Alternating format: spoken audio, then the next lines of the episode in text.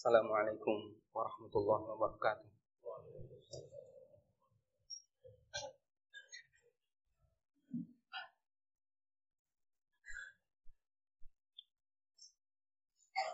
إن الحمد لله نحمده ونستعينه ونستغفره ونعوذ بالله من شرور أنفسنا وسيئات أعمالنا من يهده الله فلا مضل له ومن يضلل فلا هادي له وأشهد أن لا إله إلا الله وحده لا شريك له وأشهد أن محمدا عبده ورسوله.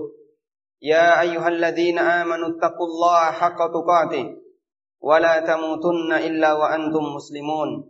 يا أيها الناس اتقوا ربكم الذي خلقكم من نفس واحدة وخلق منها زوجها وبث منهما رجالا كثيرا ونساء.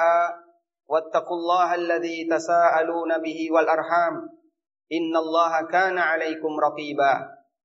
يا أيها الذين آمنوا اتقوا الله وقولوا قولا سديدا. يصلح لكم أعمالكم ويغفر لكم ذنوبكم. ومن يطع الله ورسوله فقد فاز فوزا عظيما.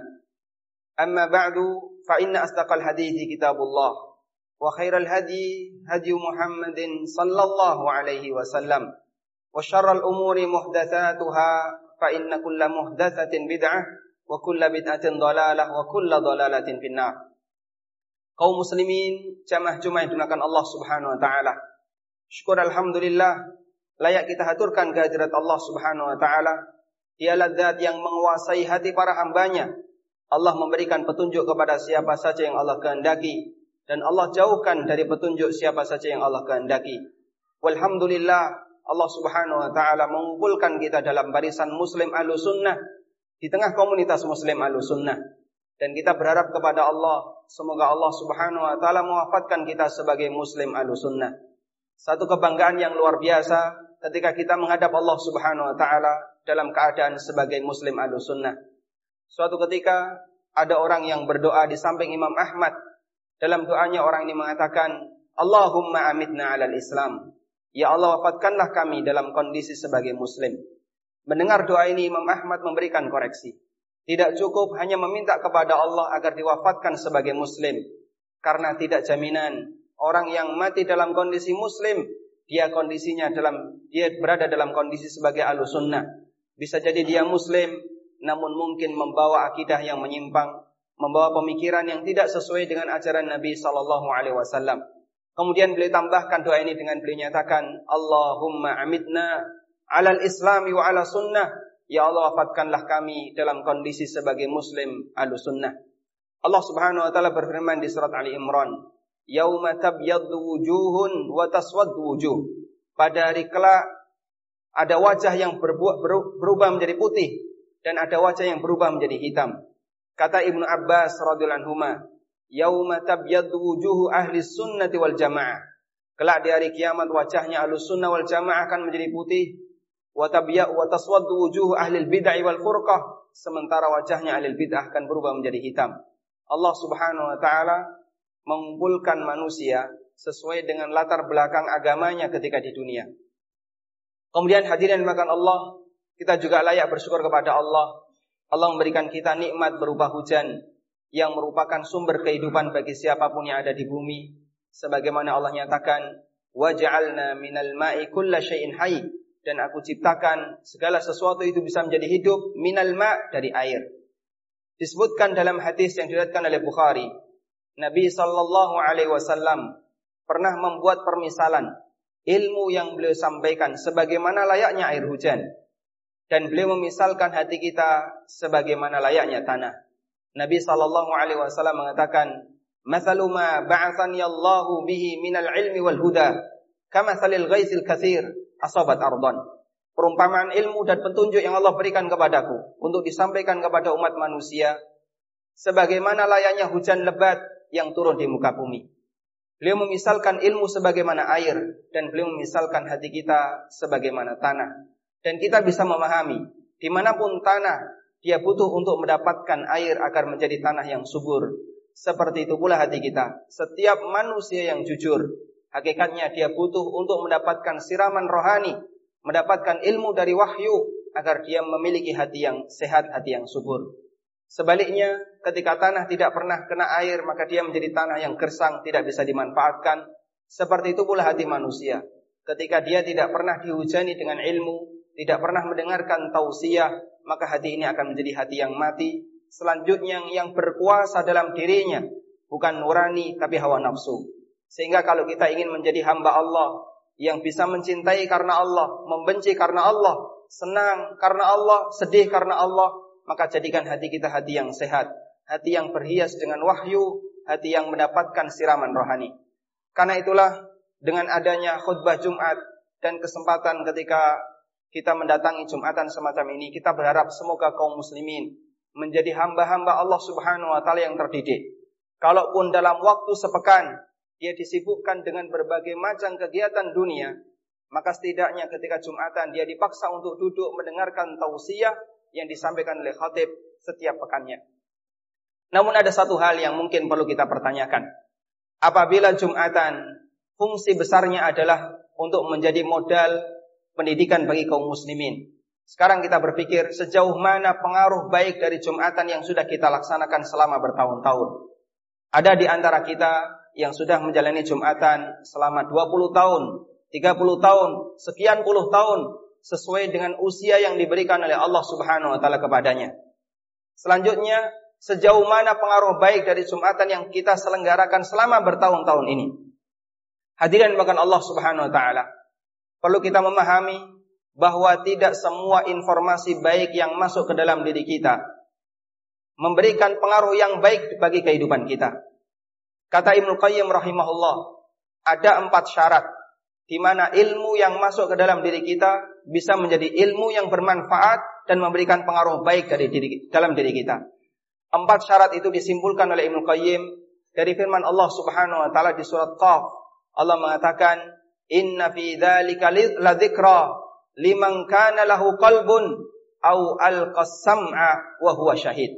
Sesungguhnya dalam Al-Qur'an itu merupakan peringatan liman kana lahu qalbun bagi orang yang memiliki hati, artinya hatinya hidup, au al-qasam'a, dia mendengarkan dengan seksama wa huwa syahid, seolah-olah dia menyaksikan kebenaran apa yang sedang dilihatnya.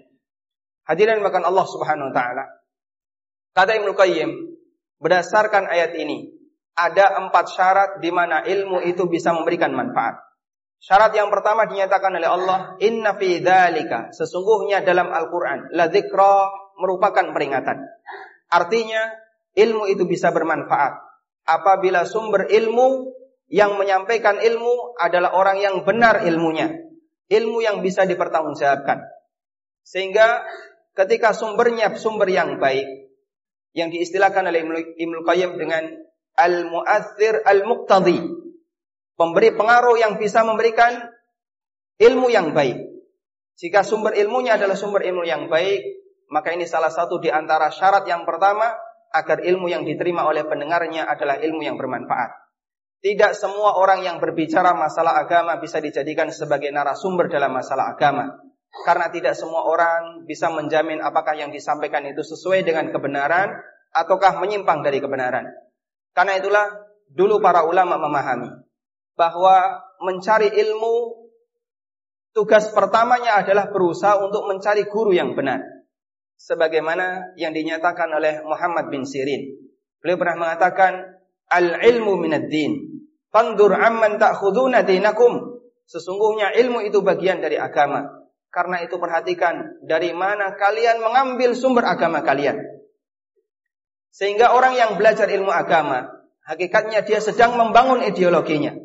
Ketika sumbernya bermasalah, maka bisa jadi hasilnya bukan kebaikan, namun justru akidah yang bermasalah. Dan hadirin makan Allah, semakin sempurna sumber ilmu, maka hasilnya akan semakin maksimal. Sampai Allah Subhanahu wa taala menjamin para sahabat Nabi sallallahu alaihi wasallam, mereka tidak akan mungkin jadi orang yang sesat karena mereka adalah murid-muridnya Rasulullah sallallahu alaihi wasallam. Allah berfirman dalam Al-Qur'an, "Wa kaifa takfuruna wa antum tutla 'alaikum ayatullah wa fiikum rasuluh?" Bagaimana mungkin kalian akan jadi kafir sementara kalian membaca ayat Allah dan di tengah-tengah kalian ada Rasulullah sallallahu alaihi wasallam. Allah menjamin sahabat tidak akan menyimpang selama mereka mengikuti petunjuk Nabi sallallahu alaihi wasallam dan berguru kepada Rasulullah sallallahu alaihi wasallam. Karena sumber ilmunya adalah manusia yang paling istimewa. Kemudian hadirin makan Allah Subhanahu wa taala. Para ulama memahami bahwa mengambil guru kelak nantinya akan dia bertanggungjawabkan di hadapan Allah Subhanahu wa taala.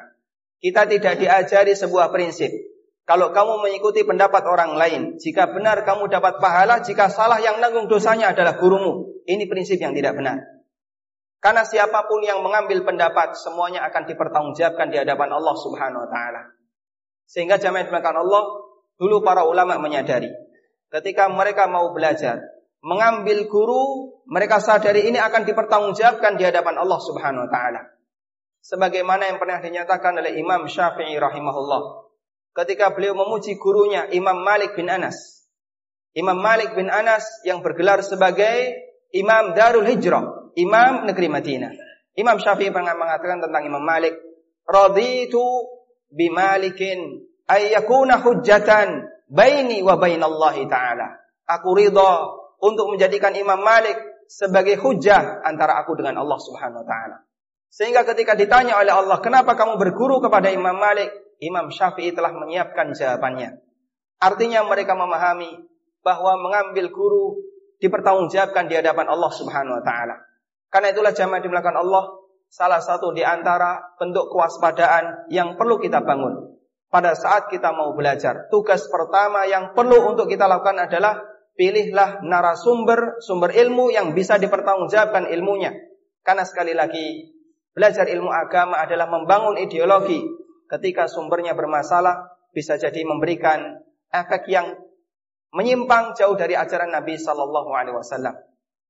Kemudian syarat yang kedua, agar ilmu itu bermanfaat, limang kana lahu qalbun. Allah nyatakan di surat Qaf, peringatan bagi orang yang memiliki hati. Yang dimaksud dengan memiliki hati tentu saja bukan memiliki organ liver, karena semua manusia pasti punya organ liver. Namun yang dimaksud memiliki hati adalah hatinya terbuka untuk menerima kebenaran. Karena ada sebagian orang yang dia mendengarkan kebenaran, namun hatinya tidak terbuka untuk menerima kebenaran. Ada beberapa orang yang menjadi tetangganya Rasulullah Sallallahu Alaihi Wasallam. Kurang apa mereka? Setiap hari mendengarkan tausiah Nabi Sallallahu Alaihi Wasallam. Namun mereka karena tertutup tidak mau menerima kebenaran, sehingga setiap hari mereka mendengarkan Al-Quran, mendengarkan tausiah dari Rasulullah Sallallahu Alaihi Wasallam, namun sama sekali tidak memberikan pengaruh bagi kehidupannya. Itulah orang-orang munafikun. Mereka tetangganya Nabi Muhammad Sallallahu Alaihi Wasallam, tetangganya Abu Bakar, Umar, Uthman, Ali, dan para sahabat senior yang lainnya, radhiyallahu taala anhum. Namun mereka tidak mendapatkan pengaruh sedikit pun dari tausiah, dari hadis Al-Quran yang disampaikan oleh Nabi Sallallahu Alaihi Wasallam. Allah sindir dalam Al-Quran, afala yatadabbarun al-Qur'an am ala qulubin aqfaluha Apakah mereka tidak mau merenungi isi Al-Qur'an ataukah ada kunci dalam hatinya? Dan yang terjadi adalah yang kedua. Manusia ketika tertutup hatinya, sebanyak apa pun kebenaran dia dengar, tidak akan mampu untuk menembus dalam relung batinnya. Karena itulah hadirin makan Allah Subhanahu wa taala. Tentu saja kita tidak ingin bernasib sebagaimana layaknya orang munafikun. Mereka mendengarkan kebenaran, namun tertutup untuk menerimanya. Banyak di antara kaum muslimin yang mereka ketika Jumatan tidak ada niat selain hanya sebatas untuk menggugurkan kewajiban. Tidak ada keinginan untuk menambah ilmu agama, tidak ada keinginan untuk mendapatkan tausiah, sehingga bagi dia Jumatan yang penting datang, duduk, tidur nggak jadi masalah. Mau diceramai maupun tidak diceramai bukan urusan dia. Dia tertutup untuk mendapatkan ilmu ketika dia datang Jumatan. Kalau semacam ini caranya, mau Jumatan berapa tahun pun, sekian tahun sekalipun dia tidak akan mampu untuk mendengar, untuk mendapatkan manfaat dari Jumatan yang dia dengar.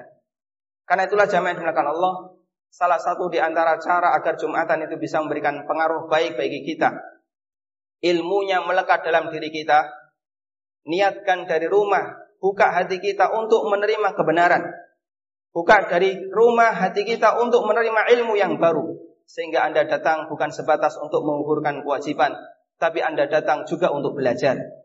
Dan kalau semacam ini niat kita dari awal, insya Allah ini bisa menjadi obat ngantuk karena dia akan konsentrasi dalam mendengarkan khutbah.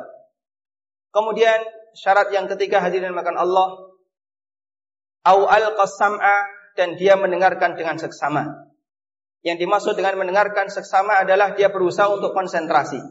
Karena itulah Nabi Shallallahu Alaihi Wasallam menekankan dalam banyak hadisnya berbagai macam adab agar para jamaah berusaha untuk mendekat ke imam, berusaha untuk semangat dalam Jumatan, tujuannya menghindarkan mereka sebisa mungkin dari semua penghalang ilmu itu bisa sampai ke dalam pendengarannya. Makanya Nabi Shallallahu Alaihi Wasallam meminta agar kita semakin dekat dengan imam. Semakin dekat dengan imam, pahalanya akan lebih besar dibandingkan mereka yang jauh dari imam. Bahkan Nabi Shallallahu Alaihi Wasallam pernah memberikan ancaman. Sebagian orang ada yang berusaha untuk memperjuangkan senderan, sehingga dia ketika jumatan lebih memilih tempat di belakang padahal di depannya masih kosong. Rasulullah Shallallahu Alaihi Wasallam mengatakan, "Wala yazalun nas yataba'adu hatta yuakhirahumullahu fil jannah." Ada sebagian orang yang berusaha untuk memilih tempat duduk di belakang. Sampai akhirnya ketika di hari kiamat Allah hukum dia. Dengan Allah akhirkan dia untuk masuk surga. Kesengajaan semacam ini dikasih hukuman oleh Allah karena menunjukkan tidak semangatnya dia untuk mengambil kebaikan ketika Jumatan. Hadirin makan Allah, kita datang di sini dengan modal yang sama, waktu yang sama, tapi kita perlu ingat pahala kita berbeda-beda sesuai dengan tingkat kesungguhan yang kita lakukan ketika kita melaksanakan Jumatan. Maksimalkan modal yang kita berikan untuk mendapatkan keuntungan yang paling besar. Berusahalah datang di awal waktu, kemudian mendekat ke imam, mendengarkan dengan sesama, dan hindari yang namanya ngantuk ketika Jumatan. Dulu para sahabat menyebut orang yang tidur ketika Jumatan, mereka sebut sebagaimana pasukan yang gagal ketika perang. Kata Muhammad bin Sirin, yaquluna fihim qawlan syadida. Kama tali sariyatin akhfaku. Dulu para sahabat menyebut orang yang tidur ketika Jumatan, mereka memberikan celaan yang sangat keras dan mereka sebut perumpamaan orang yang tidur ketika Jumatan. Kama sariyatin akhfaku sebagaimana layaknya pasukan yang gagal ketika perang. Modal sudah dikeluarkan, tapi ternyata dia tidak mendapatkan apa pun. Karena itulah jamaah di belakang Allah, kita berusaha untuk menghadiri Jumatan ini maksimalkan sebaik mungkin. Terkadang ada sebagian orang yang layak kita nilai sebagai karakter yang aneh. Ada sebagian orang yang dia lebih terbuka untuk masalah berita. Tapi dia tertutup. Dia tertutup dengan masalah ilmu. Untuk masalah berita subhanallah. Dia beli koran. Dia nonton berita melalui televisi. Tidak cukup dengan itu dia buka internet juga nonton berita. Berita diundang untuk masuk ke dalam rumahnya. Dia dekatkan dirinya dengan berita. Sehingga setiap hari konsumsinya berita dan berita. Sehari tanpa berita rasanya pusing kepala. Tapi Masya Allah dalam masalah ilmu dia menjauh. Ketika Jumatan datangnya telat, ketika kajian tidak mau ikut. Kapan dia bisa mendapatkan tausiah? Sementara dalam masalah berita dia mendekat. Padahal kita bisa menimbang. Mana dari dua hal ini yang lebih dibutuhkan manusia? Berita ataukah ilmu agama? Ada sebagian orang yang semangat untuk mencari berita, tapi malas untuk belajar ilmu agama. Ini kan kondisi yang sangat aneh. Padahal semua orang paham ilmu agama lebih dibutuhkan dibandingkan berita. Seisi koran hadirin yang kita beli mungkin sama sekali 0% tidak ada kepentingannya dengan kita. Kalaupun kita tidak tahu isi koran hari itu, kita tidak akan menjadi orang yang sesat, kita tidak akan menjadi orang yang terlambat, kita bisa tetap hidup dengan nyaman meskipun kita tidak tahu berita. Tapi ketika kita tidak tahu ilmu agama yang kita butuhkan dalam kehidupan kita sehari-hari, mungkin akan ada banyak amalan yang kita lakukan ternyata tidak sesuai dengan apa yang diinginkan oleh Allah Subhanahu wa taala dan tidak sesuai dengan ajaran Nabi sallallahu alaihi wasallam. Sehingga bisa jadi amal itu terancam tidak diterima gara-gara kita tidak mau untuk mempelajarinya. Karena itulah Imam Bukhari rahimahullah dalam kitab sahihnya beliau mengatakan Bab al-ilmu qabla qabla al-qaul wal amal. Bab wajibnya orang itu belajar ilmu agama sebelum dia berbicara dan dia mengamalkan amalan agama. Sehingga zaman belakang Allah seharusnya kita balik suasana semacam ini. Kita lebih terbuka dalam masalah ilmu agama Dan untuk masalah berita hanya sesuai dengan kebutuhan, bukan kita jadikan sebagai kebutuhan sehari-hari padahal bisa jadi itu tidak ada kepentingannya dengan kita. Kemudian syarat yang keempat kata Nabi kata Allah Subhanahu wa taala wa huwa syahid dan dia menyaksikan. Artinya dia menyaksikan kebenaran dalam arti tidak ada penghalang antara kebenaran yang dia dengar dengan praktek yang dia lakukan dalam kehidupannya sehari-hari. Demikian khutbah yang pertama yang bisa kita sampaikan semoga bermanfaat. Aku lu qauli wa astaghfirullah.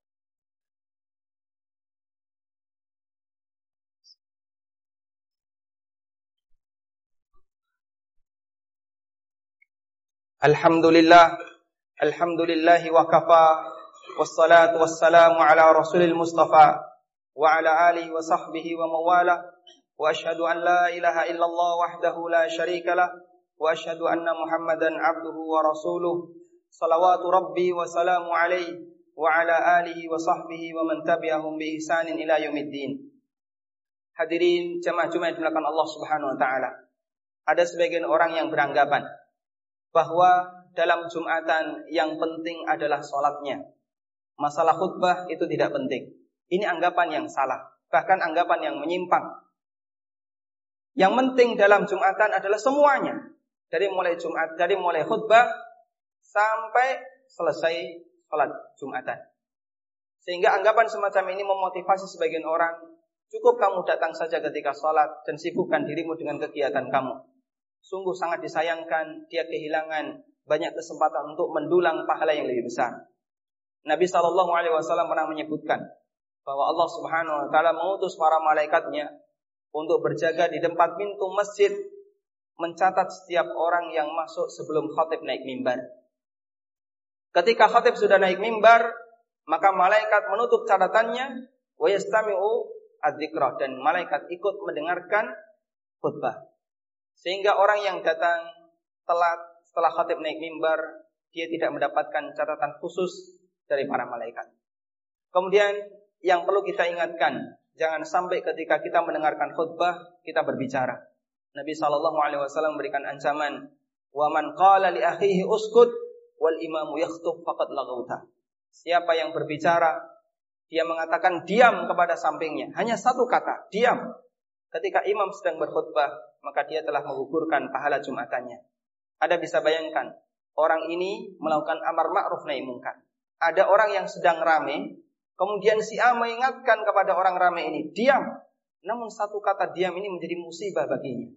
Satu kata diam, amar ma'ruf nahi mungkar tidak pada waktunya yang tepat membuat jumatannya menjadi gugur pahalanya dan dia hanya bisa mendapatkan pahala salat duhur.